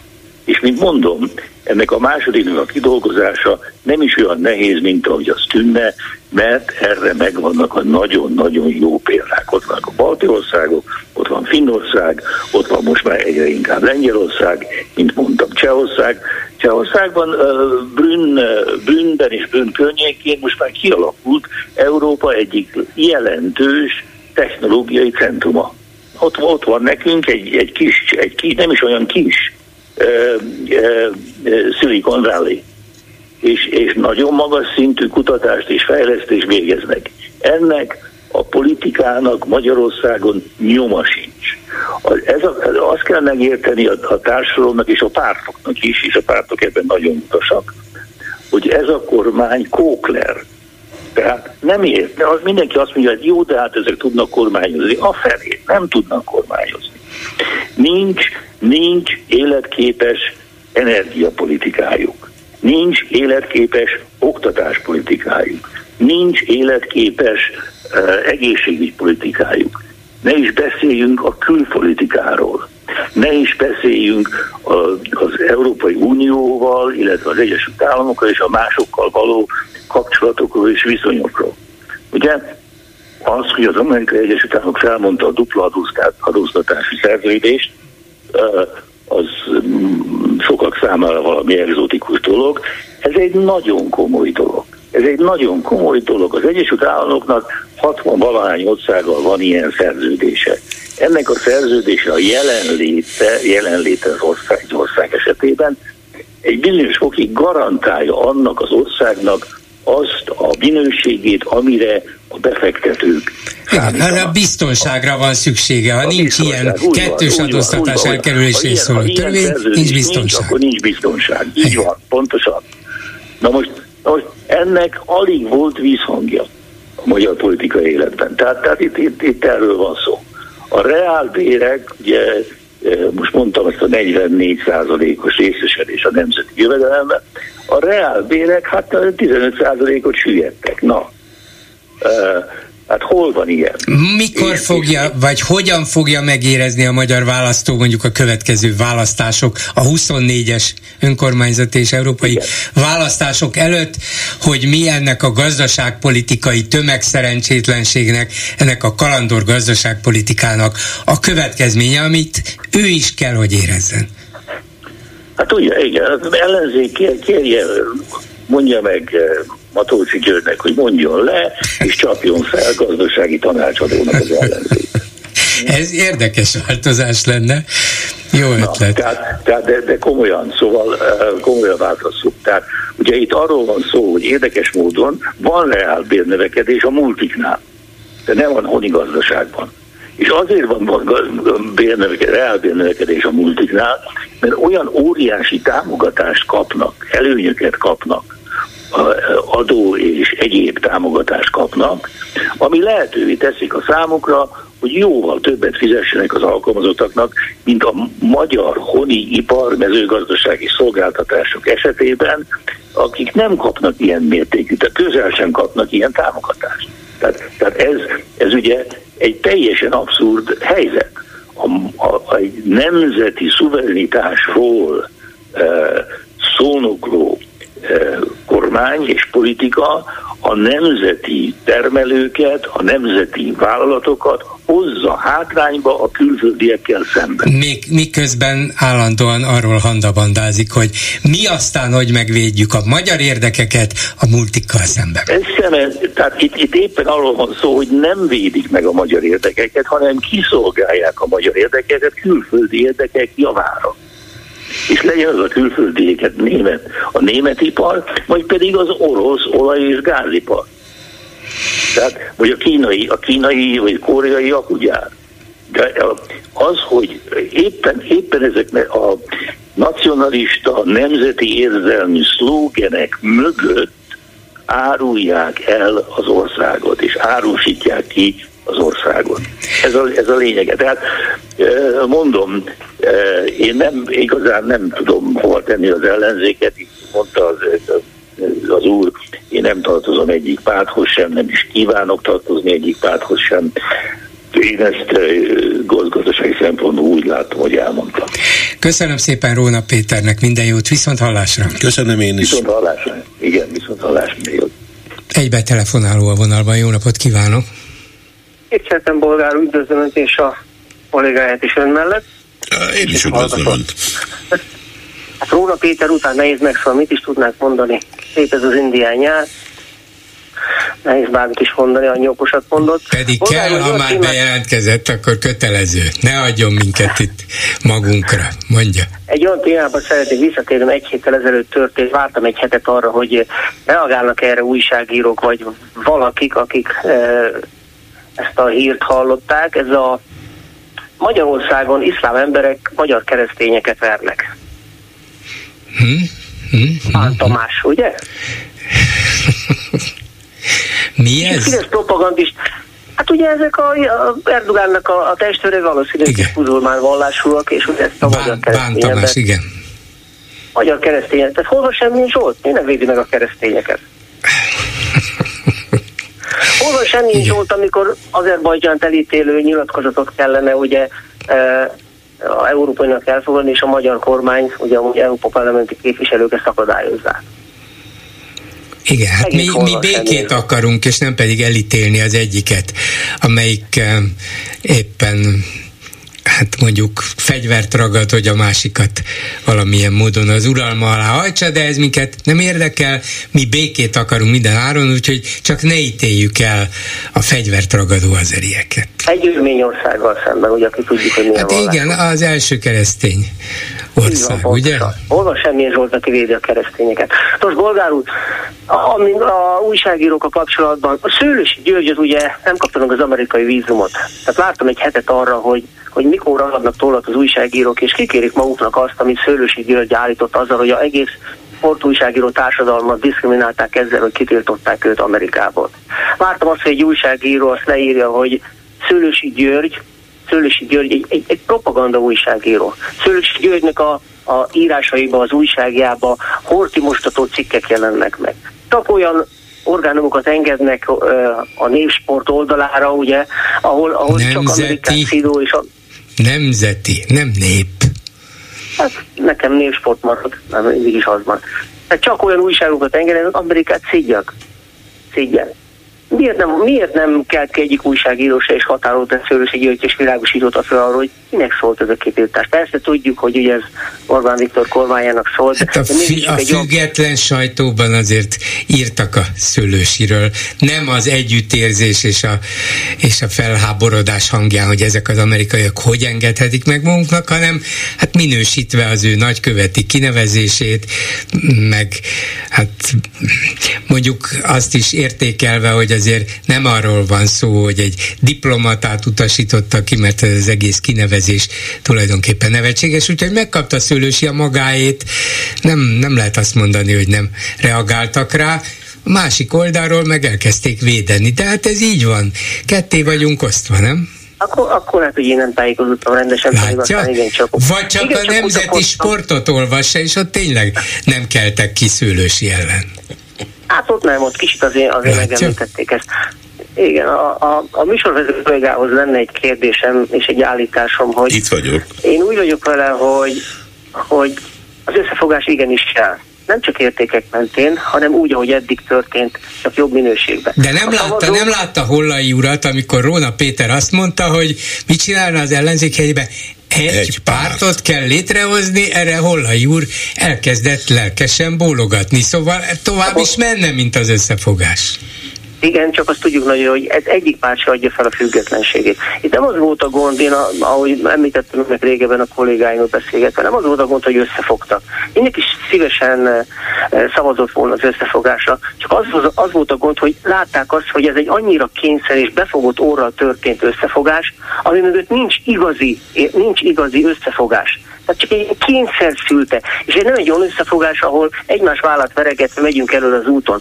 És tulajdonképpen én úgy gondolom, hogy Gyurcsányra még mindig azért szavaznak a legtöbben, és azért akarják őt, mert ő képviseli azt az egységet, az vagyis, bocsánat, a fegyelmet a saját pártjában, és a fegyelmet az ellenzéki oldalon, amit az összes többi párt külön-külön nem tud. Mindenki szétválik, lemorzsolódnak, elmennek, és a magyar társadalom igenis arra van igénye, hogy legyen erős vezető. Egy demokratikus erős vezető, nem egy Orbán féle hazudozó, és a külügyminiszter, ahogy mondta, egy parazita tagságú parazita kormány, én most már úgy mondom, nem ilyenre van szükség a magyar társadalomnak, hanem egy demokratikus erős vezetőre.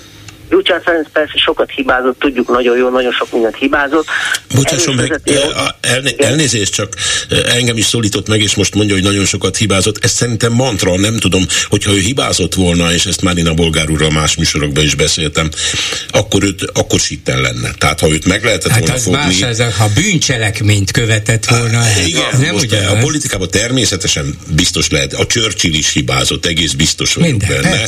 De és, és a legnagyobbak is hibázott hibáztak. Minden, sőt, én is hibázok néha, és talán én is bolgárul, ebben nem vagyok egészen biztos. Az, amit tetszik mondani, az összefogás, amit mondott, hogy az összefogás, az azért hány választás kell még, hogy kiderüljön, hogy nem működik? 2010, 14, 18, 22. Nem volt közben... összefogás 10, 14, 18-ban, 22-ben volt az első. Összes többi esetben ilyen részleges, nagyon szűk próbálkozások voltak. Bocsásson meg, én én ott volt, ott voltam, amikor a Gyurcsány azt mondta, hogy az ő miniszterelnök jelöltje is a, az az MSZP-s Mesterházi. Mesterházi. Később is volt ilyen. Volt volt össze, most persze ki mit ért az összefogás alatt, az megint érdekes dolog. egyet, bocsásson, tehát egész biztos, hogy a párt egy párt szervezése, lásd a Fidesz, nem kell messzire menni, az nem, nem lett demokratikus. Van pártvezetés, vannak ö, pártagok, kisebb-nagyobb pártvezetők, és valami célok mentén együtt kell De ez demokratikus nyomni. is lehet. A párt tagok megválasztanak valamilyen Bizony, szervet, így. az megválasztja a vezetést. Ugyanaz történik, mint a képviselők választásnál. Mi megválasztunk jó esetben egy képviselőt, aki négy évig képviseli a mi érdekeinket, és az nem sikerül, ugye erre vannak a pártkongresszusok, meg egyéb ö, fórumok, akkor elzavarják. De ez demokratikus, nem biztos, Ez hogy mindig hatékony, meg, meg nem mindig érzi az ember, hogy hát beleszólhatok, megadtam a felhatalmazást, aztán vagy jól él vele, vagy Tudtam, nem. hogy előbb-utóbb előjön a gyurcsány. Én nem vagyok dékás, és ezt nagyon, na, nagyon szeret, határozottan kell mondanom. Nekem nincs is igazán pártom. Én azt szeretném, gyorsan mondom, talán ma már mondtam, de még egyszer, ha kellő súlyú ellenzék állna, vagy ülne a parlamentben, akik befolyással bírnak a döntésekre, amik történnek. A gránit szilárdságú alaptörvényt ma olvasom, hogy ismét fogják egy kicsikét módosítani, amit akarnak, azt csinálnak, mert megtehetik. A, a gyurcsány elkézés, és az előbb ön mondta, hogy hát megvannak az ő hibái. Biztos, nem tudom, megvannak a hibái. De már annyira visszavonult, hogy a feleségét tolta maga elé, ami kvázi ugyanaz, pedig az egyetlen ember ma Magyarországon a politikusok között még mindig az a gyurcsány, aki az Orbánnak miért nem méltó, vita partner, aki le tudta győzni. Volt még valaki? Vagy van valaki? De hát, se került senki. Igen, de ezt mondta ön is, nem? Igen, igen, én ezt mondtam, csak a magyar társadalom, én úgy gondolom, hogy csak teljesen mindegy, hogy most egy párt indul, összefogás, teljesen mindegy. Amíg a magyar társadalom nem gyógyul ki ebből a butaságból, ebből a propaganda ámításból, addig itt lehet bármi mert a magyar társadalom Orbán Viktor elbutította, és ezzel a sok propagandával és anyagi lehetőségekkel bármi lesz bármilyen összefogás. Míg a magyar társadalom az emberek nem jönnek rá, hogy itt át vannak cseszve, itt kilettek rabolva, itt hazudnak nekik éjjel-nappal, addig bármilyen, összefog, bármilyen alakul, nem fog győzni az ellenzék. Köszönöm szépen. Köszönöm, hogy jelentkezett. Viszont hallásra. Háló, jó napot kívánok! Jó napot kívánok! Bolgár úr, üdvözlöm a hallgatókat. Én egy kicsit új alapokra szeretném ha helyezni ezt a problémakeresést, és onnan indulnék ki, hogy a, egy vagyok azok közül, akik csak pislognak, hogy mi zajlik ebben az országban, hogy a pénzünk a legrosszabb, a demográfiánk, stb. stb. nem sorolom, és hát a társadalomnak nagyon sok rétege sérült. A tűzoltók, az ápolónők, a vasutasok, a rendőrök, a cigányok, a nyugdíjasok, a tanárok, az ételfutárok, postások, balatoniak, fertőiek, fertőtaviak, akkor mikepércsek, debreceniek, és időnként az emberek kimennek tüntetni. De nagyon ö, Álló, hall engem? Hogy nem, figyelem. A tüntetések azonban nagyon spontán és amatőr módon zajlanak. Hát gondoljunk a fekete ruhás nővérnek a tüntetésére, hogy tízezrek álltak a szakadó esőbe a ö, parlament előtt, és a hölgy a végén felszólította a tüntetőket, hogy most mindenki öt percig imádkozzon. Hát Hát vagy maradjon csendben, talán volt, aki... Nem, imádkozzunk, kimondottan imádkozzunk, igen. Akkor volt, amikor az akadémiai szabadság megsértés ellen tüntetett az ellenzék. Azon a hétvégén volt a Presser koncertje a Tabánba. Hatházi meghirdette a tüntetést a TV székházhoz, de aznap volt a Free SFE tüntetése is. Uh-huh. Vagy fogja hatházi, és oda sátorozik a tévé elé. De nincs mögötte tömeg. Tehát ö, ö, tulajdonképpen egy réteg nem tüntet, mégpedig az egyetemisták, akiket ezért nem is tudok sajnálni, hogy a, hogy a az Erasmus programból kimaradnak, mert hát most bocsánat, de ők a legbeszaribb réteg ennek a magyar társadalomnak. De nem ez az érdekes, hanem mit lehetne csinálni. Én hm, szerintem... Ez volna az új alap, amire helyezzük a dolgot. Mit lehetne? Így van. Én szerintem egy Kukorica Jancsinak, egy Ludas Matyinak, egy Tenkes kapitánynak, vagy egy zsandárknak meg kéne hirdetni egy olyan akciót az országban, hogy Szentgotthártól az ország másik végéig, Máté Szalkáig, egy napon, egy adott pillanatban mindenki kimegy az utcára, ott, ahol van, nem kell összegyűlni egy városba, hanem aki másképp gondolkodik, kimegy az útra, és kitesz valamit. Egy hokedlit, egy zongorát, megállítja a kocsiját, megállítja a rollerját, kiáll a zebrára, és fél óráig megáll a vérkeringés az országban, és azt követeljük, hogy a királyi tévében minden nap egy óra nem fideszes műsor legyen. Ez a követelés. Ha ez nem teljesül, értem, értem. Akkor a csak... következő alkalommal már egy órára Értem, ez, ez, ez szépen hangzik, csak nincs se tenkes kapitánya, se Kukorica Jancsi, se Zsandárk, hát akire hát hallgatnának a magyarok. Hát hiába mondja ezt el ön, hiába mondanám el ezt én. Nem volna több millió olyan hallgató, aki nem is jutnék el hozzájuk, aki azt mondaná, hogy igaz, akkor ekkor és ekkor est és ezt csináljuk. Nincs olyan ember, akiben több millióan annyira megbíznának, hogy elindulnának arra, amerre ő mondja.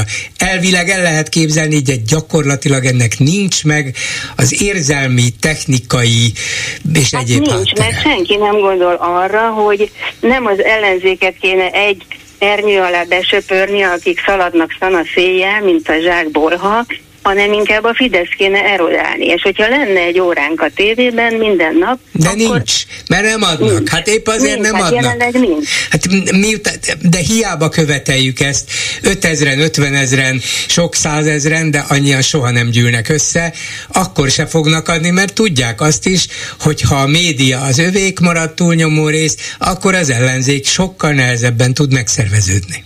Hát igen, csak ez az, hogy nem tüntetésre gondolok, hanem arra, hogy mindenki a saját lakóhelyén meg tudna nyilvánulni. Tehát ez lenne ebben a forradalmi újítás.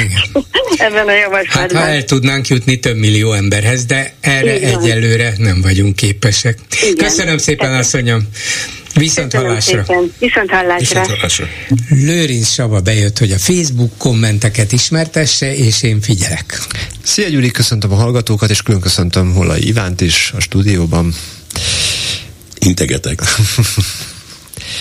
Egy kommentelő az egy kérdéssel fordul felénk. Azt szeretném megkérdezni, hogy a, ja igen, e, igen, azt szeretném megkérdezni, hogy a megbeszéljük posztjai alatt miért nincs lehetőség arra, hogy az összes hozzászólás megtekintését állítsuk be. Ezt még én sem tudom pontosan, tehát már um, utána kérdeztem néhány ismerősömnél, akik... Uh, Kifogott rajtunk a technika? Vagy abszolút, mi? tehát uh, egy csomó olyan kommentet nem tudunk uh, élőben lekövetni, aminek, uh, amit látnom kéne, és így egyszerűen egy kicsit macerásabb uh, után nyomon követni a kommenteket de dolgozunk a probléma megoldásán, és elviekben lesz erre valamilyen, valamilyen más megoldást találunk rá, hogyha a technika nem engedi. Aztán a kommentek az EU-s választásokon minden pártnak külön kell indulnia. Az eredmény eldönti, hogy a szavazók kitartanak cselekvőképesnek, ez alapján fel lehet készülni a következő országgyűlési választásra. Erre, erre több gondolat is érkezett. Ha olyan nagyon együttműködni akartak volna a pártok, akkor részt vettek volna az árnyék kormány alakításában. Így az egyik gondolat.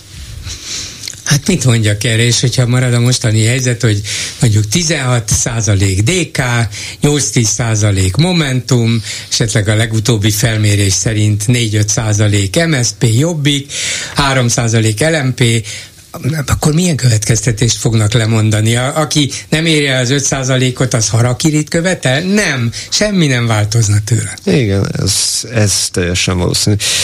Megvan az esélye, hogy csúfos kudarc még inkább, a csúfos kudarc még inkább elvenni a kedvét a szavazóknak, és a hitelességét az ellenzéknek állítja egy másik kommentelő. Hát igen, csak miben mérjük a kudarcot. És van-e még lejjebb?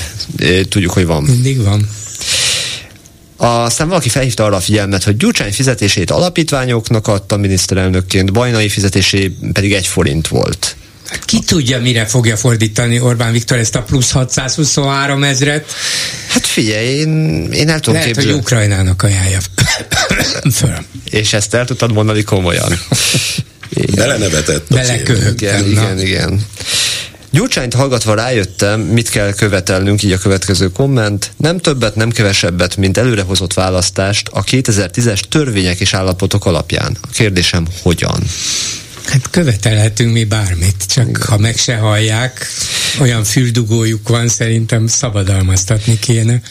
Aztán egy, más, igen, egy másik érdekes következtetés. A mi hazánk népszerűségének növekedéséből azt látom, hogy egyértelmű probléma van a magyar gazdasággal. Ilyenkor szokott fölfeltörni a populizmus, a demagógia, a bűnbakkereső politika. Az emberek egyre elégedetlenebbek, le akarják valakin vezetni a feszültséget. Igen. Bocsánat, a itt. populizmus és demagógia itt van. Itt van, ez nem, nem, nem, kell nem, nem kell nem, nem, nem, hát az már amúgy is. Igen. Sőt, kormánypolitika szintjén. Igen, tehát ez, ez a legkifizetődőbb politikai jelenleg, ahogy én nézem.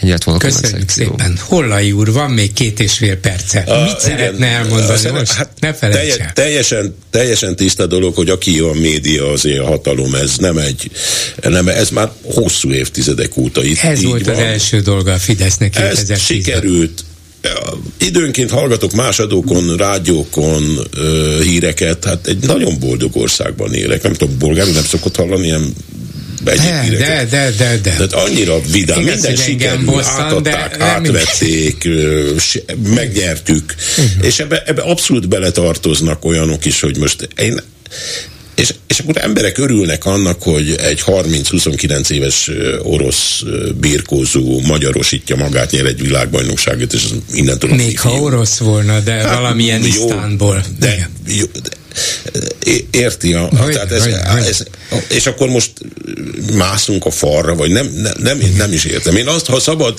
azon gondolkodtam, hogy hogy, és nem tudom, hogy van-e fóruma, vagy lehetősége a klubrádiónak. Nagyon sokan vagyunk, akik, akik gondolkodunk, és a,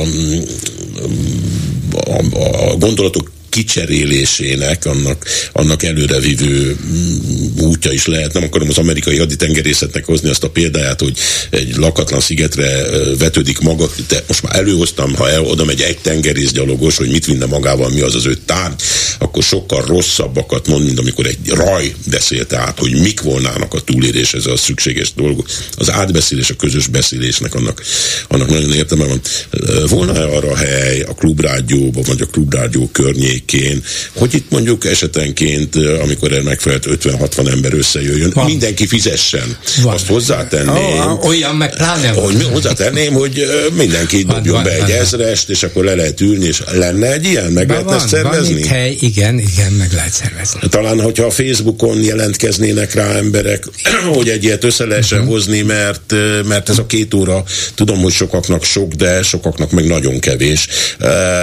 Talán lehetne talán találkozni, és lehetne véleményt cserélni, és talán előre, talán ki lehetne találni az összefogást. Jó, jó, jó, vagy, lehet, vagy lehet, mi, mi lenne az összefogás helyett a jó? Maratoni husz, megbeszéljük 24 órában? Ja, így van, nulla órakor kezdjük, és akkor fejezzük. Hát talán úgy nem, de, de, de de értelmes lenne Jó.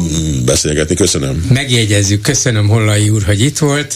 Köszönöm, hogy itt lehettem. A hallgatóknak meg köszönöm a figyelmet. A megbeszéljük készítésében ma közreműködött Bencsik Gyula, Lőrinc Csaba, Erdei Tünde, Simon Erika és Csorba László.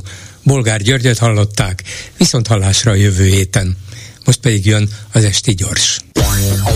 Esti Gyors, a hírek háttere. Jó estét kívánok, Sámesz János vagyok, ez itt az Esti Gyors, a szerkesztő Helskovics Eszter.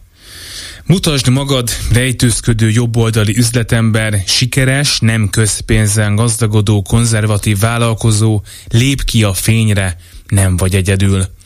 Ha fejenként 500 ezer forintot adtatok a Megafon bátor, az internetet megújító, a jobb oldalon hangját a liberál, progresszív, LMBTQ mocsárban felhangosító küzdelmére, akkor legalább tízezren vagytok, de ha fejenként 5 milliót, akkor is legalább ezren, egyenként is hősök, együtt a haza legyőzhetetlen védelmezői. Miért nem ismerjük hát a neveteket? Miért nem álltok ki büszkén, hiszen rajtatok is múlt, hogy tavaly sikerült megvédeni Magyarországot a sorosféle bolsevik gyurcsányok támadásától. Tiétek volt a választási kampány legnemzetibb hangja, büszke lehet rátok az ország, hát még a miniszterelnök úr. Nem akármi ám egyetlen cégnek összelapátolni 5 milliárd forintot, főleg úgy, hogy még közbeszerzést is csak alig nyertetek. Mégis több pénzt gyűjtöttetek össze, mint a dúsgazdag amerikai demokraták a baloldalnak. Megmentettétek az országot, mondjátok hát el, kik vagytok, legyetek büszkék, hadd legyünk büszkék rátok. Apropó baloldal, apropó amerikai dollárok, gyűrődésmentes eurók és fontok egykori gazdái, a liberális demokrácia védelmezői, az Orbáni diktatúra ellen végletekig küzdő mikroadományozók. Tikik vagytok. Nemtelen támadások érik a főpolgármester urat, súlyos pénzbüntetés fenyegeti az ellenzéki pártokat, álljatok hát ki ti is, mondjátok el a neveteket, bizonyítsátok létezéseket, védjétek meg a demokraták becsületét. Van egyébként adomány, ami, reméljük, igyekszünk, jó helyre megy. Vannak adományozók, akik tényleg léteznek, a Klubrádió hallgatói, akik támogatásukkal életben tartják a rádiót. Köszönjük! Esti gyors, a hírek háttere.